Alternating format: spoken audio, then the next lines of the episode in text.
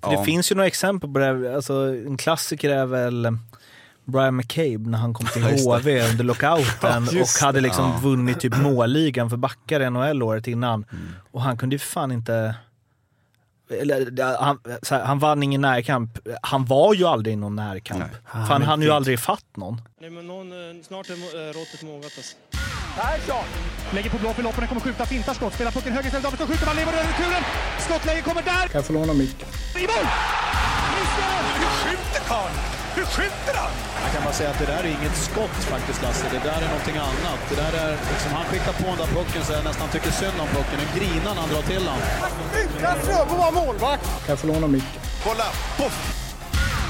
En allvarligt talat Leif Boork, håller på med hockey i 600 år! Kan jag få låna micken?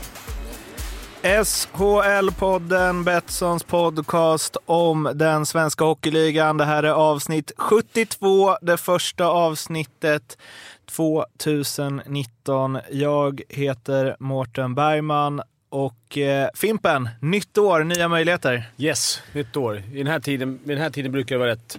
Ligan vara rätt...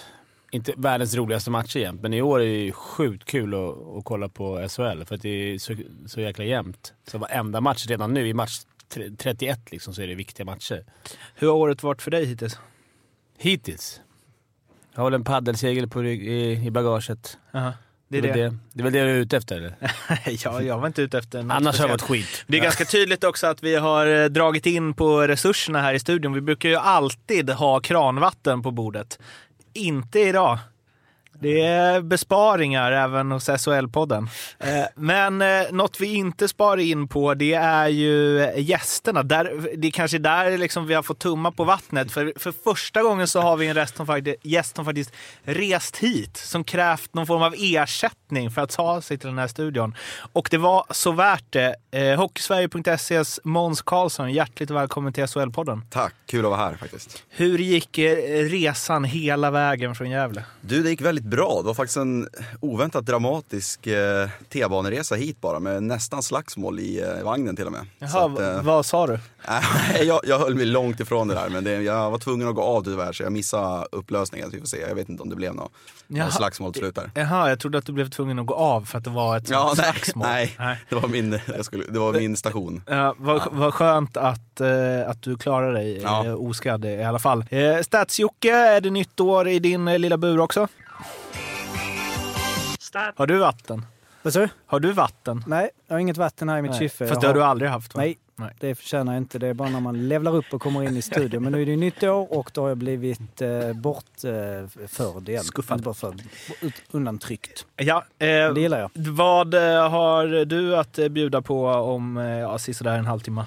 Ja, det är ju eh, alltid lite intressant att se hur vi börjar ju säsongen med att titta på hur, jag tror vi vill kolla på hur det gick i de två första omgångarna eller någonting. Tre första omgångarna och såg hur det Eh, sen blev eh, under säsongen, om det hade någon betydelse. Liksom man startar bra. Men idag har jag kollat på hur tabellen har sett ut vid nyår och sen jämfört då med den eh, slutgiltiga tabellen i grundserien och sett om ja, lag som ligger på slutspelsplats, om det är, man brukar gå till slutspel, hur många av lagen sen då 1975 när elitserien startade, lagen som ligger i botten, om det finns något hopp för dem om man tittar på historien.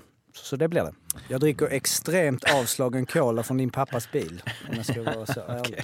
Avslagen kola, inget vatten, det är det som gäller nu. En sak som består, förutom gäst, är ju också faktarutan som vi har med gästen. Så vi tar helt enkelt avstamp där.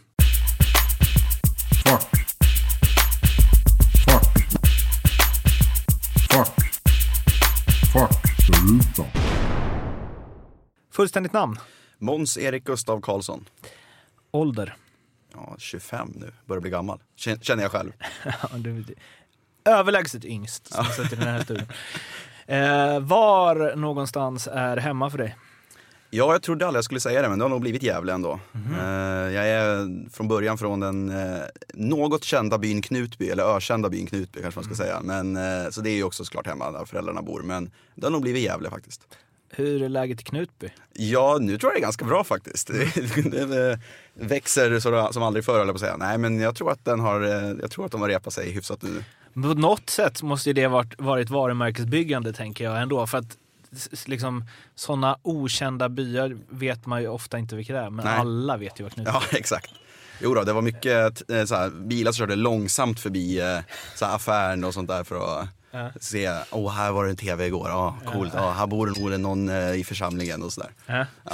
Vi har fått vatten! Grym. Tuff bortaresa annars om du hade ett hockeylag. Knutby borta när det begav sig. Så det är många, många gratisvinster där. Folk som inte... Ja, men det var just, eh, de hade ju ett herrlag i fotboll där och då var det ju verkligen en grej. Då, var det ju, då fick man ju höra det på planen liksom. Att, eh, jag vet inte om, det- jag vet inte om det Kristi var, ja exakt, jag tror inte det var någon som var medlem i församlingen som spelade i laget men alla fick ju höra att de var eh, kristna extremister och att det var är mycket skit. Ja. På tal om eh, kristna extremister då, har du någon tatuering? Nej, faktiskt inte. Så där stämmer jag väl in kanske. i fördomen. En person eh, utanför hockeyn som du ser upp till? Eh, Kristi brud. Ja, exakt. Nej, men det är ju, man vill ju inte svara något så här tråkigt som ingen vet vem det är. Men, så, men jag beundrar min flickvän väldigt mycket och hennes egenskaper och driv och sånt där. Men sen kan jag uppskatta så en ledare som står för någonting. Alltså jag kan väldigt mycket uppskatta en sån som typ Jan Andersson exempelvis. Jag beundrar hans så här, ledarskap och hans, eh, hans personlighet verkar inte förändras. Oavsett vad han når för framgångar eller eh, motgångar och sådär. Kan, sånt kan jag uppskatta. För att eh, återkoppla till padden då, då, som du nämnde Fimpen. Jan Andersson spelade ju också paddel i förrgår. Ja, han bröt knät. Ja, Just det, det, det läste jag Det, också. det är inte för... Det är inte för veklingar. Nej, det här är... Du ska ha några år på nacken och så våga ut på paddelplan. Eh, hur ser din eh, egen eh, hockeykarriär ut? Eller såg? Ja, nej det finns ju ingen såklart. Min, min eh, hockeykarriär gick väl ut på att jag spelade innebandy ungefär. Det är väl det närmaste jag kom. Kan du åka skridskor? Ja, det kan jag göra. Det kan jag. göra. Men nu var det ett tag sedan. Baklänges? Ja, det kan jag nog också göra. Men som, översteg baklänges? ja, där går nog gränsen ungefär. Som att det var en dum fråga. Jag kan inte åka skridskor och definitivt inte baklänges. Eh, vilken eh, hockeyspelare, eh, och om du hade varit Mm. hockeyspelare, vem, den, skulle liksom, vem ser ut som dig som spelare? Ja, idag? men då får jag väl gå till innebandy då. Det är väl det närmsta då. Eh, och, ja, men Jakob Silfverberg kanske, förutom att det är olika klubbfattning. Men eh, han var ju, jag var också lite av en målskytt och sen när vi gick upp i nivåer och spelade i så här högsta divisioner för vår åldersgrupp, så här, då blev jag mer av en lite en defensiv forward i stjärnornas sällskap. Och det är väl ungefär som han har blivit. Just det, du Fimpen. Ja. Gjorde massa Fast jag poäng. aldrig någon målskydd. Ja, just det. I Allsvenskan. Just det. Du, har ju kommit etta eller fyra i poängligan. Ja, någonting där. Ja. Toppskiktet. Topp 100.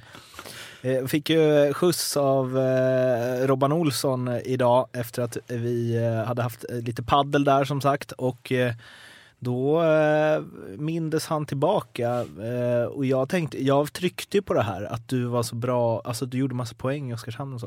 Och då sa han att det var oväntat. Ja. Att det var liksom inte, han, nej, han har verkligen kämpat sig upp.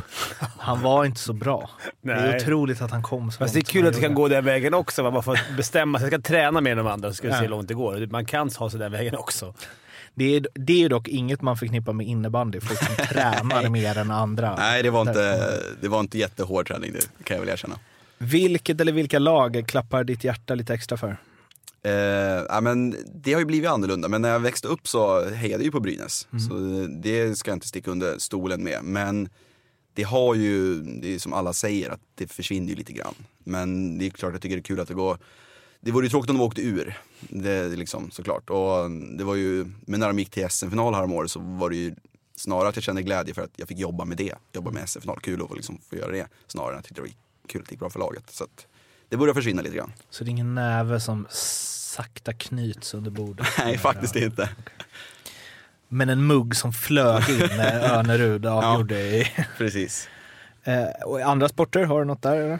Ja men jag är ju en sån här tråkig, folk kan väl kalla mig för mainstream och allt sånt där. Men jag hejar ju på Manchester United. Jag är Liverpool. Liverpool. Och sen är jag ju faktiskt, jag får be om ursäkt men jag är ju faktiskt bajare.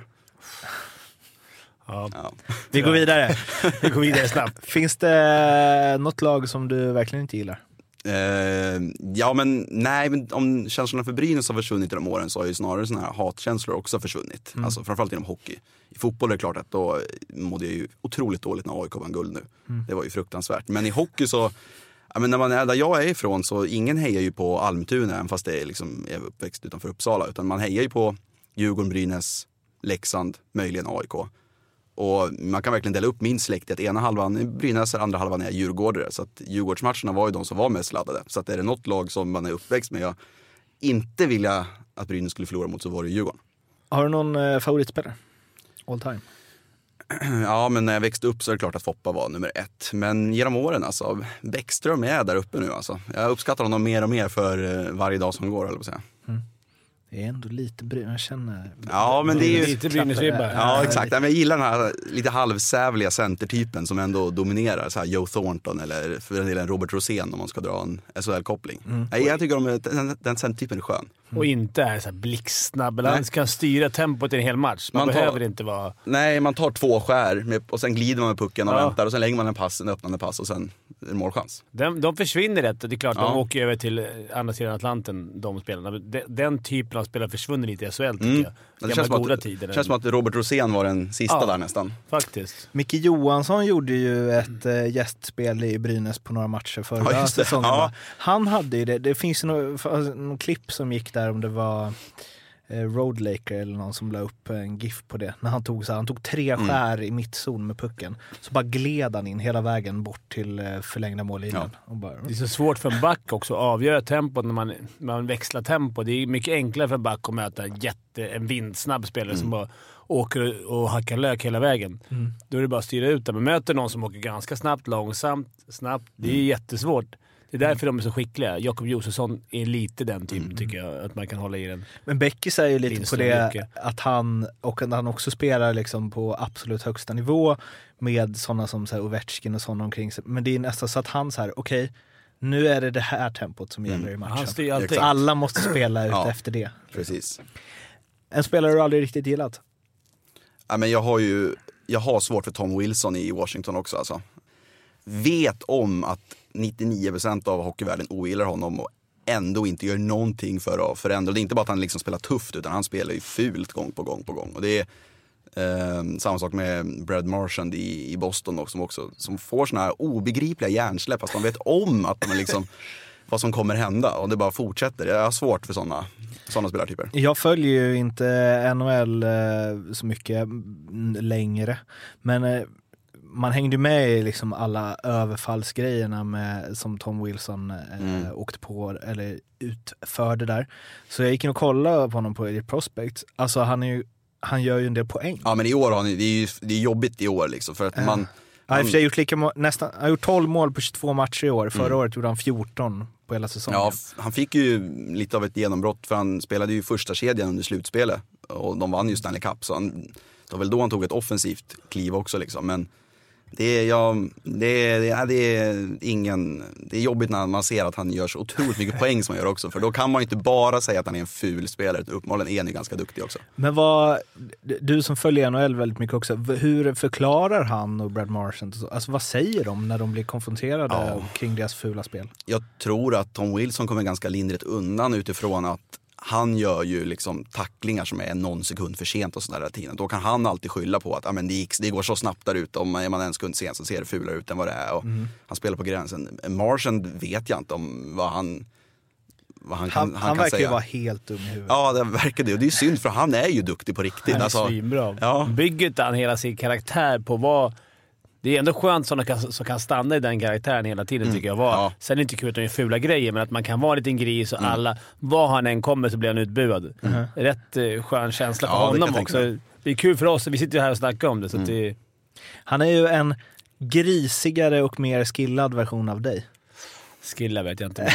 Men, Grisigare i alla fall. ja, jo, men det är ganska skönt att vara en sån man kommer på, när man kom till matcher det buades eller man var Hell- runt pucken. Ja, hellre det än att, eh, än att ingen tycker något. Nej, de har ju kommit åt några. Att man är så dåligt, men ändå så kan de störa sig på Mm. att man åkte runt och gjorde...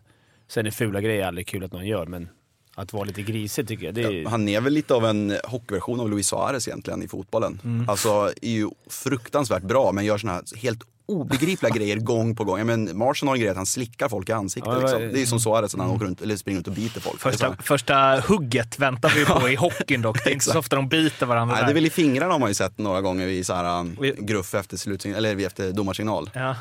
Men, ja. var det inte någon målgest i spanska ligan för, eh, ja det är ju säkert tio år sedan nu, men eh, när det var någon som eh, bet någon annan i snoppen som målgest. Då låg den här. Det väntar man ju på i hockeyn också. I suspen så bara. Men det är, bara, det är ingen som har riktiga tänder Man vågar inte riskera. Nej, just det. Det bara kraschar. ja, precis. Inte råd. Den eh, bästa insats du någonsin sett av en spelare? Oj.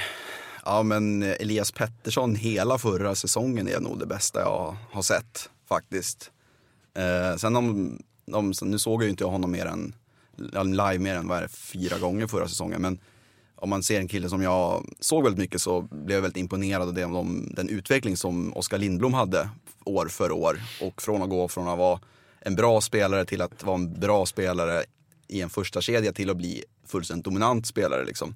Så det var ju med hela intrycket av utvecklingen han gjorde under tre år. Liksom. Sen var inte han på samma nivå som Les Pettersson såklart. Men eh, hela den säsongen som han fick sitt stora genombrott var väldigt imponerande att se med tanke på att han var förstaårssenior då och allt. Vem är Sveriges bästa hockeyjournalist? Mm, ja men Lasse Granqvist i den mån han är just hockeyjournalist. Men honom, där har vi en person jag beundrar mycket, fast han är ju i hockeyn då. Men, eh, sen tycker jag Sanne Lindström utifrån att han kommer väldigt färsk som spelare och blir både tv-expert, han gör sig väldigt bra och framförallt i sin blogg där han liksom förklarar saker på perspektiv som inte så många andra kan göra egentligen. Så jag tycker han bidrar med någonting väldigt viktigt. Vi pratade ju, när, jag tror det var när Uffe Bodin, din kollega, var här, så snackade vi om att eh, fotbollsjournalistik är mycket mer men det görs mycket längre, många fler längre reportage och liksom man går på djupet på grejer och så och att eh, hockeyjournalistiken ibland kan vara lite lättvindig eller vad man ska Mm. kalla det. Och då eh, sa han att det finns ju en, en penna att ta där, den som Niva och Bank etc. har i fotbollen. Och då sa han ju att eh, ja men Måns ligger bra till för att ta den pennan. Mm. Kul att höra. Det kommer jag. Jag, till och med jag ihåg. Jag var här då. Ja. Vi får väl se. Ingen, ingen press här nu, men det är alltså den nye Erik Niva som Ja, sitter här. hockeyns Erik Niva. Hur känner du Ja. inför det? Ja, det tror jag att det blir nog svårt. Det är, för att inte säga omöjligt. Men är det, no- alltså jag läser ju flera av dina texter, det finns ju ändå en ambition där i att kanske göra Ja. något mer än den vanliga hockeyn. Jo, men jag kan ju bli lite, ja men just det du är inne på, att jag kan ju bli väldigt less på att det är väldigt enkelspårigt i hockeyjournalister och hockeytyckare och hockeytwitter liksom och allt sånt där. Det är mycket det jag baserar mina texter på. Det är liksom för att visst, man når ju inte, man ser ju inte så många, men om man kollar sitt Twitterflöde eller ja, en vanlig text på en kvällstidning så kan jag jag kan bli ganska less ibland bara på att det är just så enkelriktat och enkelspårigt. Och jag som inte har någon eh, bakgrund om hockey själv och kommer upp i en lite nyare generation kanske jämfört med många andra journalister så tycker jag att då är det lite av min plikt att försöka bidra med någonting annat också. SHLs bästa spelare idag Eh, Aaron Palushaj. och världens bästa spelare idag. Ja men det är McDavid. Alltså det är, jag har, alla som säger honom live säger att det är då man verkligen förstår det bra. Nej, men jag tycker det räcker att se det på tv för att fatta hur otroligt överlägsen han är. I ett, i ett dåligt lag. Man måste nog se han också. Många kan ju, man kan ju stirra sig blind på poäng. Om att Mm. Men ser du han hur mycket han lägger upp och hur mycket de missar? Och, alltså, han skulle kunna haft 15 poäng per match alltså. Ja. Så mycket som han skapar. Det är samma med, med Bäckström och Elias Pettersson förra Mm. också. Det är, man stirrar sig ibland blind på att ja, han ligger ju sjua i poängligan. Mm. Ja, men liksom, han skulle kunna haft dubbelt så mycket poäng. Om, Ja, och ser man i år, han leder ju inte poängligan nu, jag tror det är Kutjerov är väl före och Rantanen kanske också. Men jag tror ändå han har ett poängsnitt att han skulle kunna göra runt 120 poäng. Och, det, och det, man tycker ändå att så här, men det kan han nog hålla. De andra är så här, men de kommer nog tappa tempot andra halvan nu. Men det är så här, nej men han kan nog göra det och han gör det i ett dåligt lag. och då, och då, har då har säkert folk missat hans passar Exakt. tio gånger också. Det är det som är så sjukt. Mm. Han skapar varenda byte. Det går ett sus genom publiken när, man, när han drar pucken. Det är så häftigt. Om det är någon som lyssnar på den här podden som inte har koll på hockey, men på fotboll, så eh, det här är för dig, eller er. Men Jonas Hansson som jobbar på Fotbollskanalen skrev så här. Edmonton Oilers eh, slash Conor McDavid i fotbollstermer. Newcastle United har den nya Messi. Men de har också sedan länge Kinnear som sportchef, Hodgson som tränare. De tror att lösningen på all skit är att värva massa Martin, Martin Kellys och Bardsleys. Eh, och med det sagt så är det väl liksom eh, att han är typ den enda bra spelaren i hela Edmonton. Ja. Vilket ju inte är riktigt sant. Nej, men eh, Men det hade varit oerhört intressant att se honom i typ Ja, Tampa. Ja, ja, eller Toronto med den farten Ja. som de har. Men, nej, men de har ju, Edmonton har ju stora problem i sin, eh, i sin eh, vad säger man, front office. Alltså med deras general manager som är eh, inkompetent. Jag tror, jag tror att vi skulle kunna göra ett lika bra jobb som han ungefär. Och en tränare som ju, ja nu är det Ken Hitchcock då som är väldigt meriterad och sådär. Men han är ju inte den som spelar framtidens hockey direkt. Utan det är ju verkligen Roy Hodgson-typen. Det var faktarutan det. Jag fick ett, eh, jag la ju upp en instastory Fimpen på när eh, du spelade paddel idag. Ja, så skrev jag, jag attade dig. Eh, så fick jag ett eh, meddelande där det stod, vem är Fimpen? Det är för dåligt. Ja, det är för dåligt av svenska folket. Ja, verkligen. Så nu tog jag en printscreen på din Wikipedia och skickade vidare. Ja. Eh, vi eh, ville ju prata med eh, vår gode vän Per Ahlbrandt om speltips nyss, men han verkar, ja, han är väl ute och är caddy eller någonting, så jag tänker att vi bjuder in eh, Stats-Jocke till Stats. Detta. Till festen. Till festen. Ja. Vad har du med dig? Eh, Jag har med mig lite, men vi kan ju börja med att säga att eh, Virserum, Just det. Virserum, de har haft lite härlig julledighet. Jaha. Så att eh, de har inte spelat sedan den 16 december. Jag kan, ju- eh, Bra ledighet. de eh, ligger fortfarande fyra och spelar på torsdag borta mot Trelleborg som ligger en poäng före och sen på söndag har de Lenhovda IF borta. Men eh, ryktena säger att det har tränats hårt.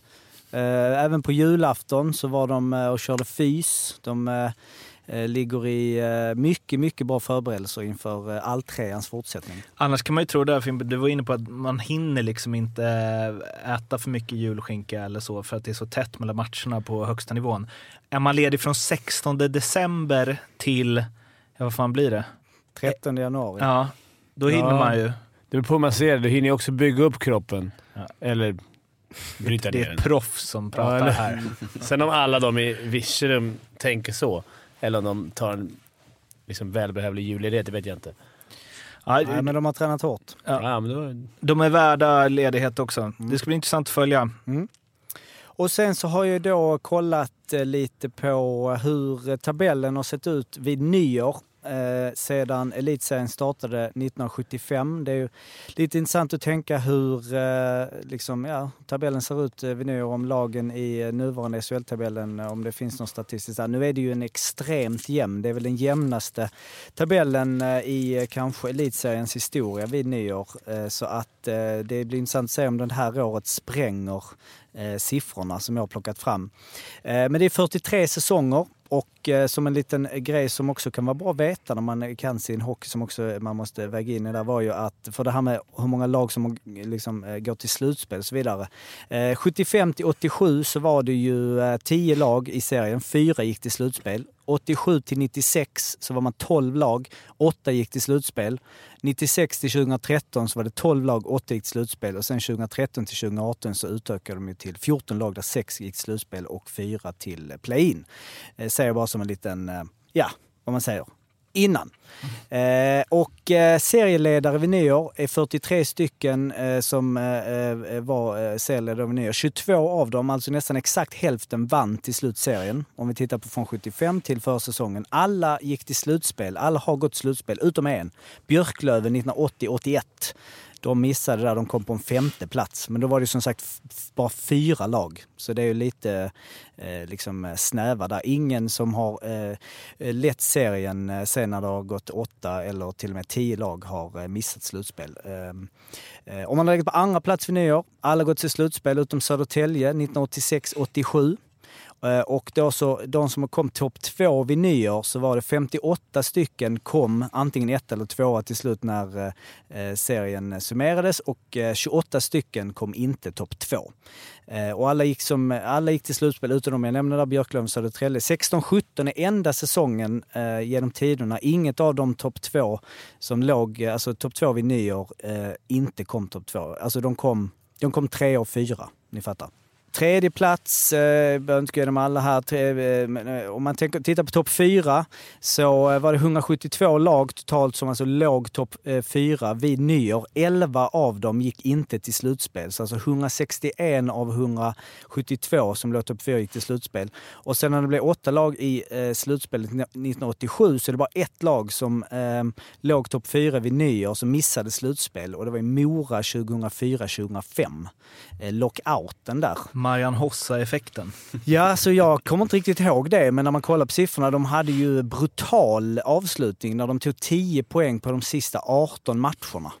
Eh, och- Men Hossa lämnade väl efter... Han spelade inte hela säsongen.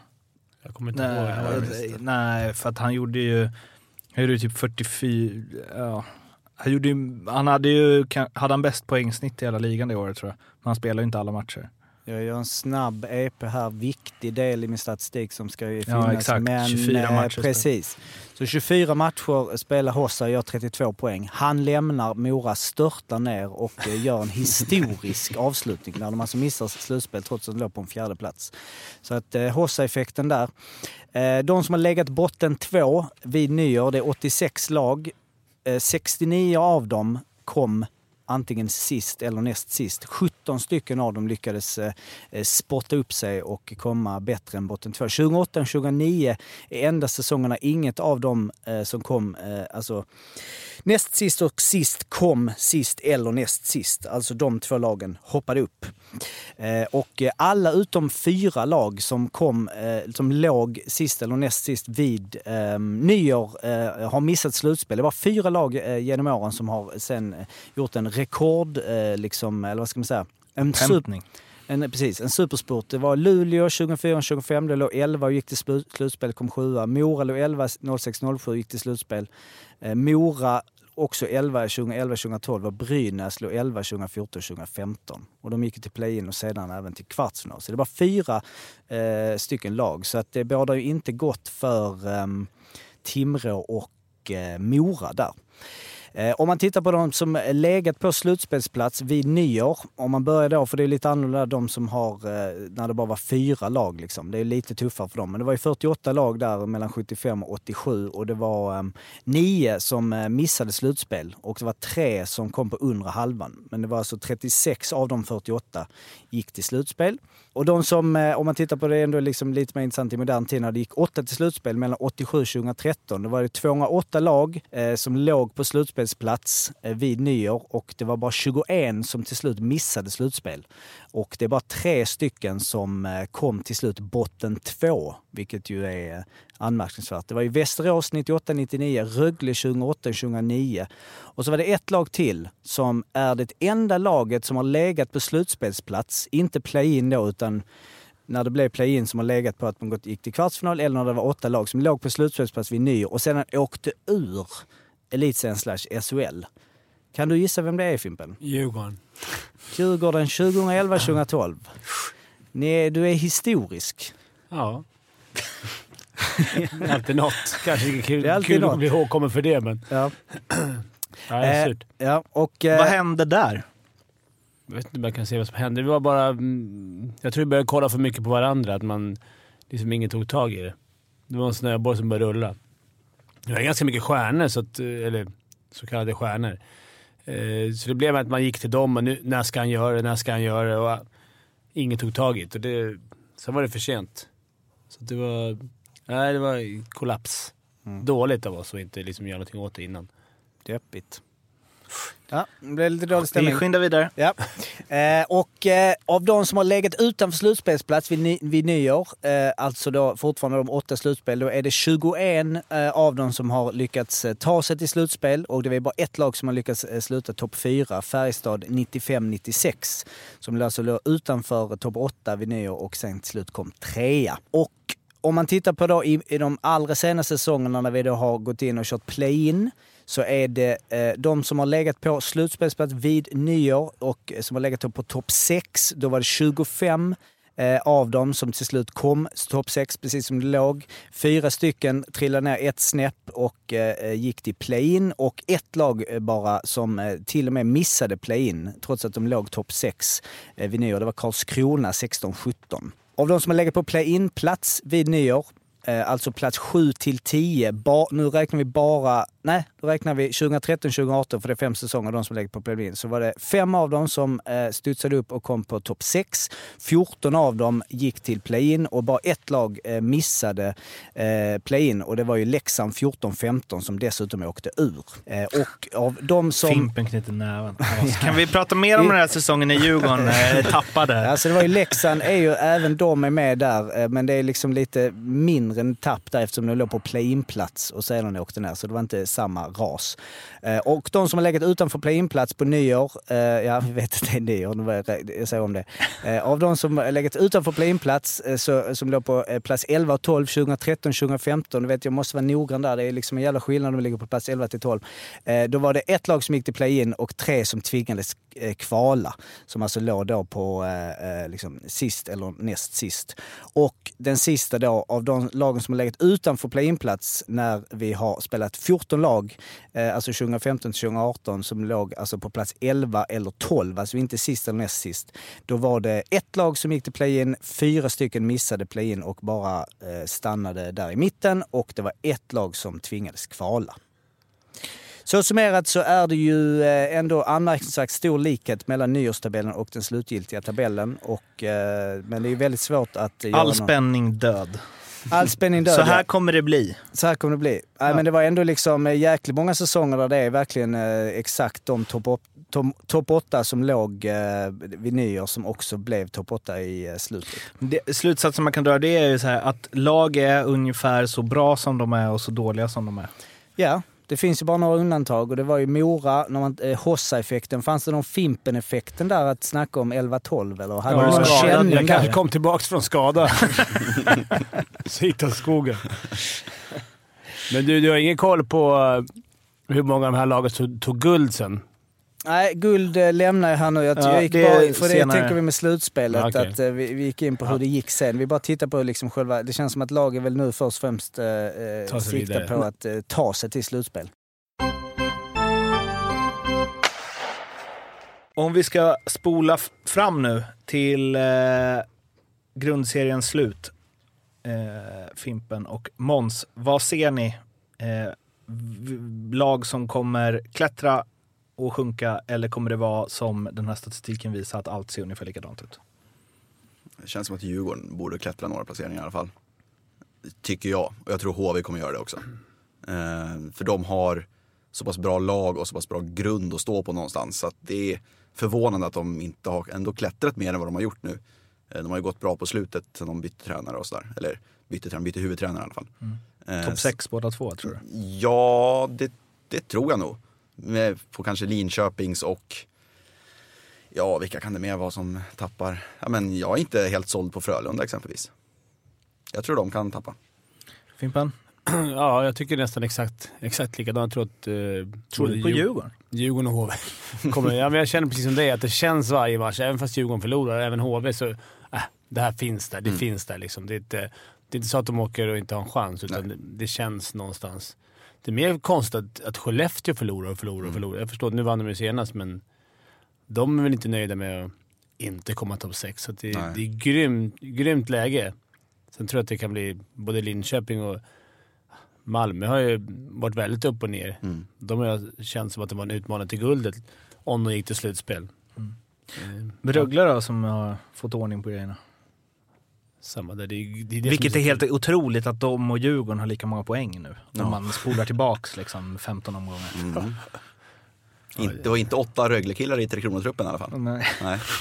Det går snabbt i hockey och Ja. så vidare. Eh, vi kan ju bara på, eh, när vi ändå pratar om de eh, lagen då, så det har gjorts en del eh, värvningar som kanske kommer sätta avtryck kring huruvida lag klättrar eller inte. Idag så blev Jason Garrison, säger man så, Mm. klar för Djurgården. Han har 500 NHL-matcher på sitt CV och presenteras på SHL.se med att Djurgården har värvat klassback till Djurgården, gjort över 500 NHL-matcher. Då vet vi.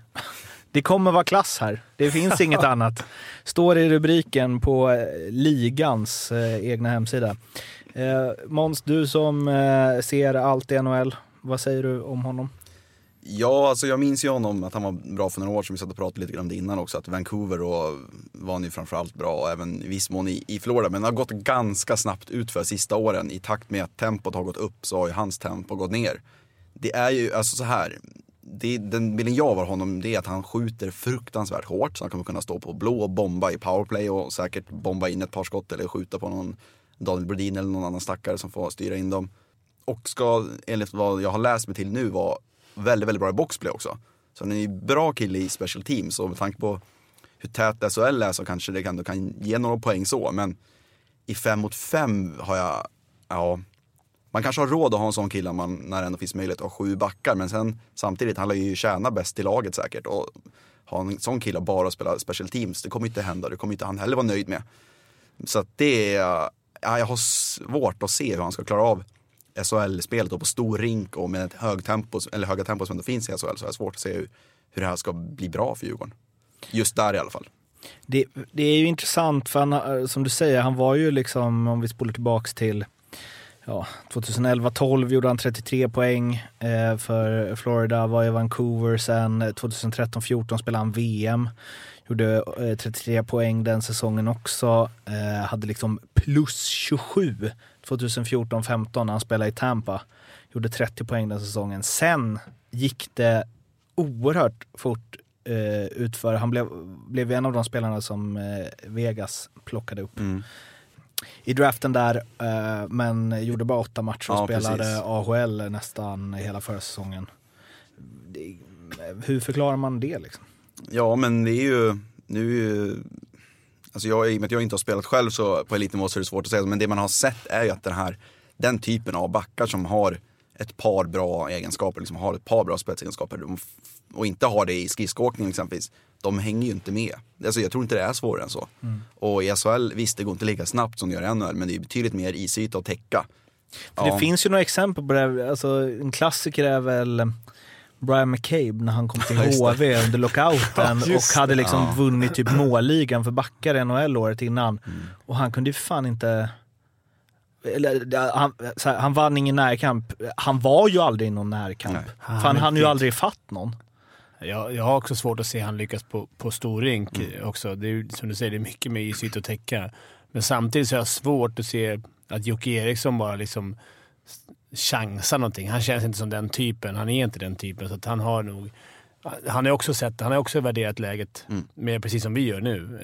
Eh, och han har ju uppenbarligen sett någonting som han tror kommer gynna laget. Så det är Men- svårt. Det man kan väga in då är att Djurgården släppte ju Bernhardt nu till Växjö här om dagarna också. Han, nu har inte han varit speciellt bra i år, men ändå det man såg av honom förra året så, där, så hade jag ju hellre i så fall sett att man ger en sån kille fler chanser och i en större roll än att lämna honom till Växjö där vi ju vet att nu kommer ju han, han har ju NHL-kontrakt inom ett år. Det är ju givet liksom. Han kommer ju bli, han kommer SHLs bästa back nästa år och sen vara första backpar i Tampa om två år liksom. Eh, det- Det kan man ju se, Ja. att han blommar ut i Växjö. Det, är så är det ju. Det som man visste var med Skellefteå förr. De värvade en ung svensk, så visste de bara okej då har han en kontrakt om ett år. Liksom.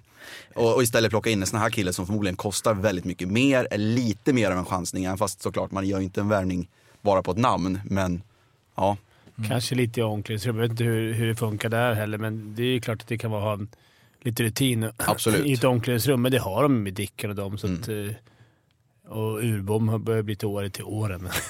men ändå, liksom, Mm. han är ju... Sen är det lite speciellt att han, han är deras första nordamerikan och då ska komma in som rutinerad, då ska han in där och styra när alla redan pratar svensk. Jag vet inte Det om gick det ju bra med. Bork. Mm. Eh, eller, det gick ju bra. Det är ju Mm. kanske liksom... De kanske bygger det på det. Annars har de ju lite backar och sånt utlånade också, om vi Mm. ska snacka Djurgården. Mm. I Almtuna och, och runt omkring. Eller lite backar. De har väl både Almtuna och Södertälje. Ja, precis. Så att det, finns ju, det finns ju att plocka hem. Vi ska prata mer om eh, eh, lite andra nyförvärv som trillat in, eh, men först så ska vi ringa upp eh, Per Arla Arbrandt och be om lite eh, speltips. Hallå? Hallå i stugan. Tjena, tjena. Tjena. Hur eh, har det nya året börjat? Det nya året har börjat lysande, tycker jag. Eller lysande vet jag inte, jag har börjat bra. Jag har inte fattat extra orden här. Har du satt något spel? Eh, nej. Det kommer nu. någonting. Kommer nu, precis. Vi sitter här, eh, jag, Fimpen och Måns Karlsson från Hockey i Sverige. Så ni får väl Jajamän. säga hej till varandra. Måns, Per, Per, Måns. Ja, precis. God dag, god Hallå dag. Per. Måns, hallå Måns. eh, vad har du att bjuda på idag? Jo du. Eh, Nu jävlar. säga att det har ju varit eh, lite, man måste ju vara ärlig också, det har varit lite tyngre nu på slutet. Jag hade ju en lysande november, började ganska bra i december. Men sen har det varit några tunga veckor, så nu har jag borrat ner mig extra mycket här. Känns inte som extra svårt det. Det är så jämnt i SHL, så det är ju helt omöjligt att tippa. Ja, det har varit tufft. Som alltid när man torskar tycker man att man har marginalerna emot med något sent mål som, eh, som studsar in. Men eh, man glömmer ju bort de gångerna man har flyt också, så man, man får väl tro att udda är jämnt. Men eh, det känns ju att man är inne i en motflyt just nu. Vi har ju precis gått igenom, eh, Stats-Jocke har gått igenom alla säsonger sedan 1975, hur det ser ut innan och, eh, eller liksom vid årsskiftet och eh, efter. Och som tips till framtida speltips då, så kan Mm. du ju ta med dig att det ser ungefär likadant ut efter som innan. Okej, bra. Så det är, Jag lägger det i minnet, Statsjocke. ja. Ja, Ja, då, tar vi, då går vi Kör. på omgången säkra. Eh, jag tror knappast Luleå förlorar tre hemmamatcher idag. De har torskat Timrå och senast Växjö. Nu möter man Örebro som eh, vann eh, borta mot Malmö på ett imponerande sätt och som jag, jag trott ska lyfta en hela säsongen. Men jag väljer trots det att- spela på Luleå hemma till 1,75. Eh, Lundeström gör förmodligen comeback. Det har väl inte löst sig helt hundra med alla papper än, men eh, hemma mot Luleå och två raka torskar så ska de vara uppretade och i grunden är det ett bättre lag. Så 1,75 tycker jag är helt okej. Andra oddset, eh, draget om man säger, är eh, i min hemstad Linköping där, som tar emot Mora. Och där tror jag att eh, Linköping gör minst fyra mål, alltså över 3,5. Eh, Little har kommit igång ordentligt nu och skapar väldigt mycket chanser. Många offensivt skickliga spelare och gör mycket mål för tillfället. Så 2,31 på att eh, göra över tre mål mot Mora som har släppt in 96 baljor hittills. Eh, tycker jag känns bra.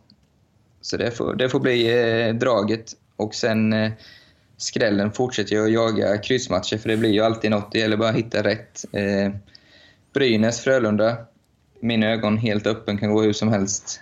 Eh, varför inte ett kryss till fina 4,25? Så det får bli eh, skrällen.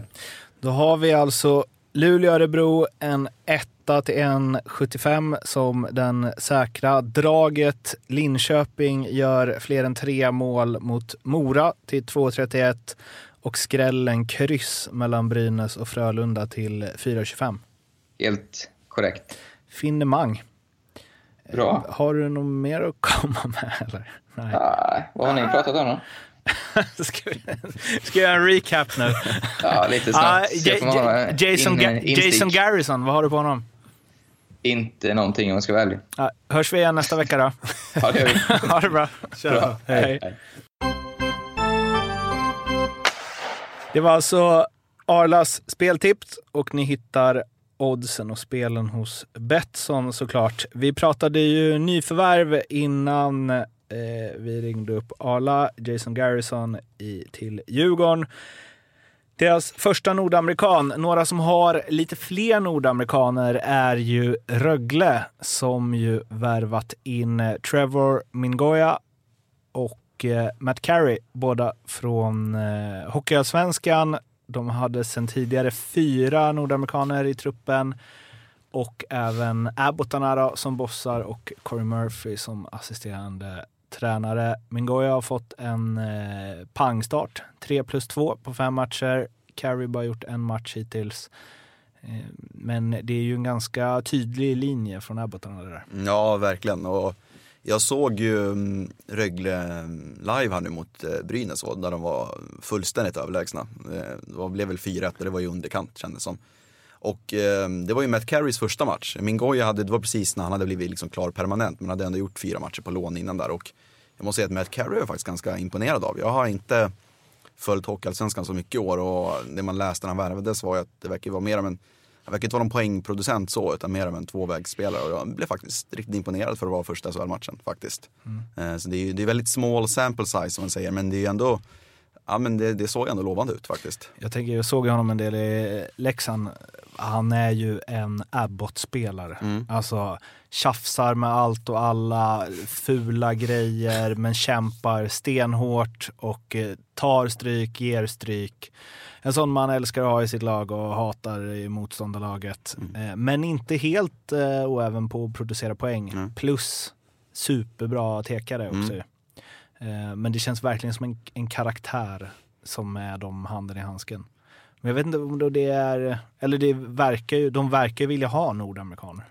Ja, det kan, man, det kan man konstatera. De spelar ju väldigt rakt också. Ja. Vi var där och kollade på träning eh, för några veckor sedan när vi gjorde Mm. Fimpens Resa. Fimpens Resa. Typ alla övningar, eller alla, men många övningar var väldigt snabba, väldigt raka, väldigt sarg ut. Eh, inspirerat lite amerikanskt, Mm. eller nordamerikanskt. Mm. Även fast det var stor rink. Och det, då vill man ju ha sådana spelare. Det är en slutspelshockey. Ja. Kan man tänka att Rögle skulle passa i ett slutspel? Ja, varför inte? Och det är även överleva hockey. Mm. Alltså man, om man kanske inte känner att man har...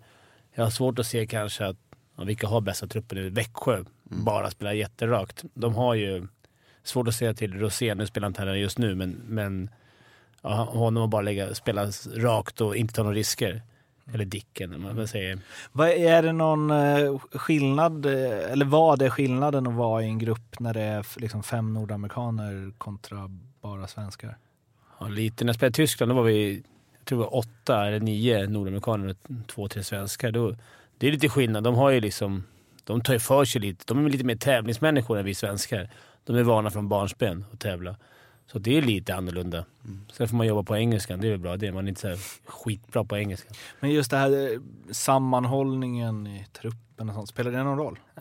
Jag, jag tyckte inte det. Att de, de är väldigt bjussiga, speciellt de som kommer hit. Mm. De liksom är väldigt inbjudande och vill vara med och försöka lära sig. Alla är inte så, men de, det blir mer att man vill ta hand om dem. Att de ska komma in i gänget. Sen kanske inte att man eh, liksom sitter och kollar på Farmen ihop.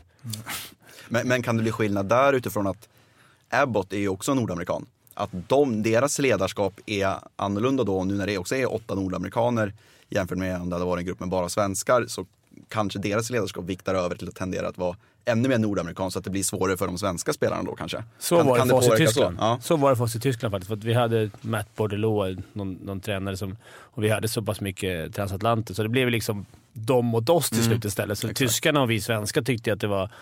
Det blev inte bra när vi var där. Sen har jag haft... Sen i Djurgården har jag aldrig haft så mycket transatlanter. Jag har spelat med en åt gången liksom. Mm.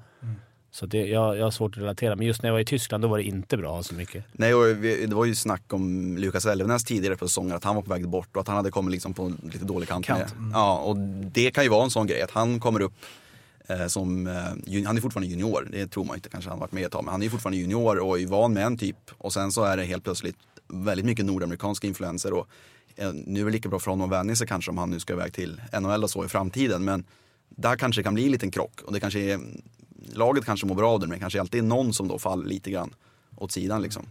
Vi snokade väl lite här, han hade väl, eh, och det kanske har stått, jag vet inte, men eh, han hade väl eh, käftat lite mot Craig Shearer, Elvenäs. Mm. Och det, det gör man inte. Nej, och som sagt, de har ju till och med en kanadensisk lagkapten, Ja. Rögle. Så det är ju verkligen allting Mm. är ju nordamerikanskt där. En annan som har kommit tillbaks, eller som har kommit till Sverige från USA är ju Isak Lundeström som är tillbaks i Luleå. Det är lite pappersstrul, men han kommer ju att spela för Luleå resten av säsongen. Och eh, de har ju kämpat lite nu. Fyra torsk va, fem senaste. Eh, vad adderar han där? Ja, men dels så, alltså, det är så svårt att bedöma Isak Lundeström på något sätt. För han, han har ju inte varit någon jättestor poängplockare nödvändigtvis. Sen som sagt, han är också junior. Man tror ju att de är äldre än vad de är för att de har varit med. Han hade gjort en säsong som helt ordinarie i SHL och sådär. Men det blir ju lätt så, vi pratade om det också innan, att när det kommer hem en spelare att det blir lätt frälsar-aura på den. Och eh, som sagt, jag minns när Christian Joos kom hem till Brynäs efter att ha varit på Washingtons träningsläger. Och det är så här, men han hade väl knappt gjort en säsong i SHL, men det är ändå så här, men nu, han löser våra problem.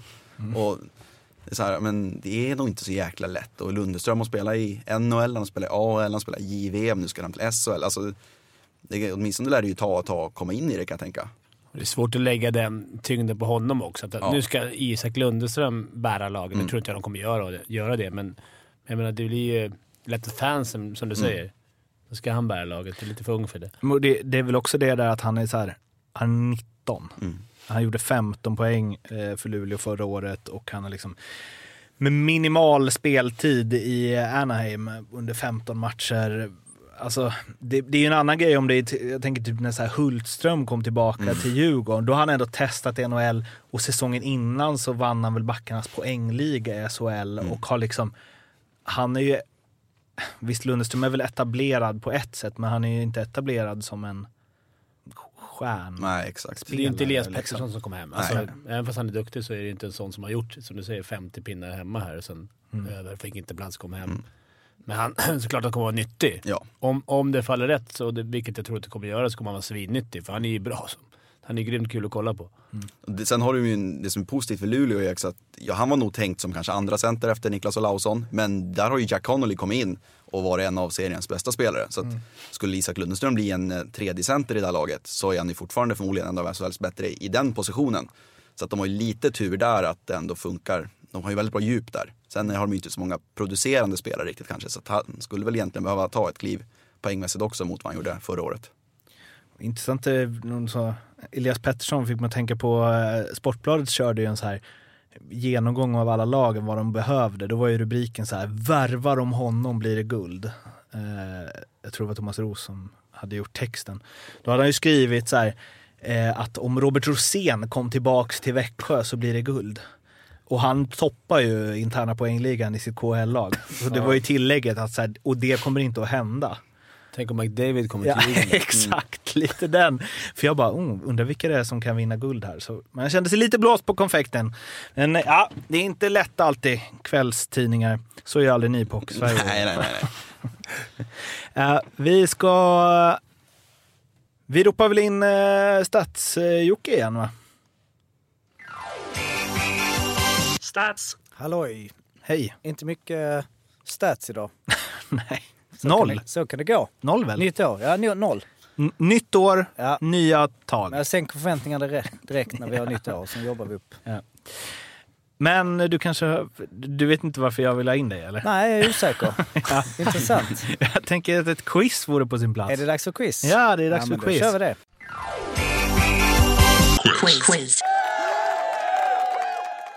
Där är det också lite nytt år, nya möjligheter. I alla fall för en i den här studion. Måns har inte varit med förr, men... Jag känner mig rätt eh, vad heter det, nederlagstippad redan innan. Men det- Både Måns och du har ju koll.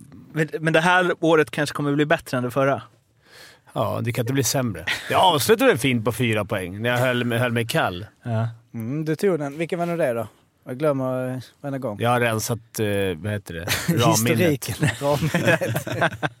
För säkerhets skull. ja, men eh, då är det så att vi söker en spelare och eh, jag kommer att ge ledtrådar från eh, 10 poäng ner till 2, så alltså 10, 8, 6, 4, 2. Och när ni tror er veta vilken spelare det är vi söker så ropar ni ett namn, säger inte spelaren utan ni håller det eh, tyst för er själva och sen så eh, när vi avslöjar eh, i slutet vem spelaren är så får ni säga det. Eller att jag ber er säga. Så en annan kollega till dig, Måns, Peter Sibner, han skrek ju rakt ut när han visste. Bara, har du förstått Peter? Bara, absolut. Och sen så bara... Nej. Ja, så det är, precis, Så gör inte om det. Nej. För då Exakt. kommer aldrig någon från Hockeysverige hit igen. Nej. Då fick jag poäng då också, för då gissade jag på det. Det var min bästa notering på åtta poäng.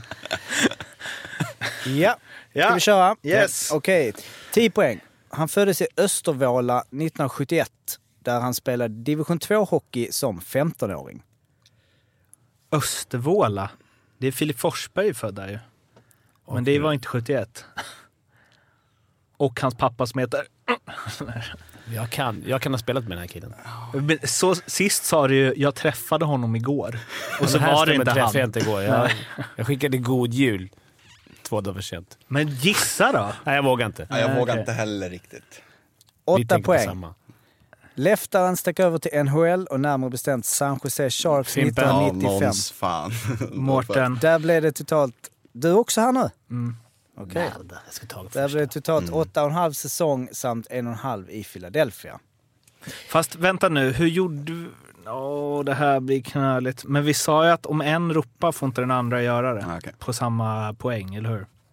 Ja, ju- alltså, Så sa vi ju. Ja, det sa vi off-podd. Det är svårt då för eh, dem Den här att gången. eh, För För det gällde från och med den här gången, sa vi väl on-podd till och med. Ja, Okej, okej. Men eh, vadå? Men Så jag, Fimpen ropade ju först. Ja, Fimpen ropade ju först. Eller? Ja, ja, ja. Ja. Ja, jag tror vi alla tänker... Så jag då får håller inte jag och Måns fr- svara från sexan då? ja. Eh, ja, så kan vi köra fast ja, ja. Det blir ju, men det kan, kan ju få 8,01 poäng för att han var snabbast. Ja. Okej. Ja. Jag tror att jag och Måns hade det på tian. ja, det är... Om det är rätt Okej, kille. ja, det är fortsätt. det är Ja, eh, men det finns ju lyssnare ute också som sitter nu eh, runt eh, Exakt. radioapparaten höll jag på att säga. Ja, ja, det är stora familjer som sitter och jobbar. Sex poäng. Innan NHL NHL-äventyret och de exakt 700 NHL-matcherna och efter Östervåla var det Djurgården han slog igenom. Där blev det sex säsonger på back backplatsen. Fyra poäng. Den defensivt skicklige backen bildade ofta backpar med Mattias Nordström i Tre Kronor där han spelade OS i Nagano 98 och Salt Lake City 02. Han har två VM-silver. Och två poäng. Han var assisterande tränare i Almtuna 2011 fram till 2017 då han blev huvudtränare, något han fortfarande är. Då frågar jag er, ska ni säga det samtidigt då? då? Vem är det vi Börje söker? Salming.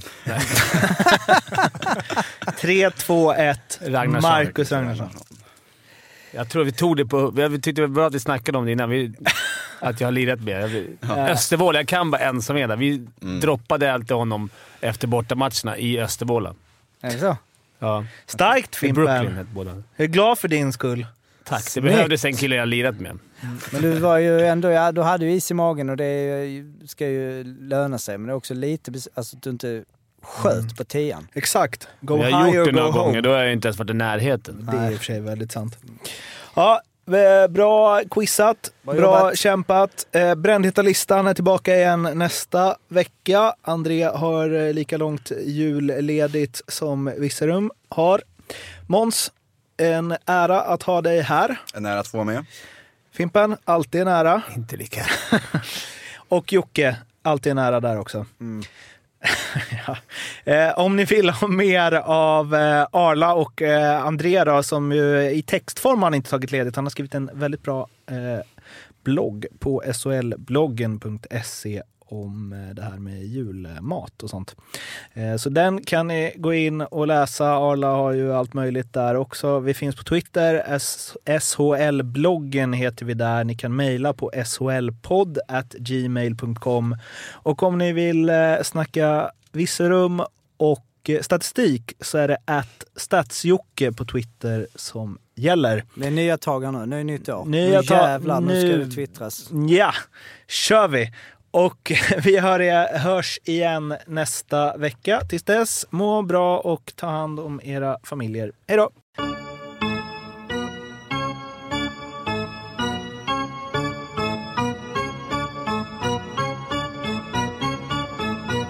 SHL-podden görs av mig, Mårten Bergman, tillsammans med Joakim Österberg för Betssons räkning och produceras tillsammans med SMT Radio. Vet du vad vi glömde grabbar? Nej. Va? Vadå? Dick. Avstängningen. Okej, vad vill du säga om det? Nej, ingenting. Jag bara tänkte att det kanske hade varit kul att få höra vad vi tyckte. Eller sa vi inte det innan? Jag vill inte säga något om det, men... Ja, vi snackar ju inte om JVM-festen Det gjorde vi inte heller. natten där. Om vi skulle Nej. Det här kan vi ha efter eh, allt annat, så nu vet ni vad vi kommer prata om någon annan gång. Ja, bra. JVM, nästa JVM. Och nästa, det är inte sista gången Dick gör sådär i år. Vi tar det då istället.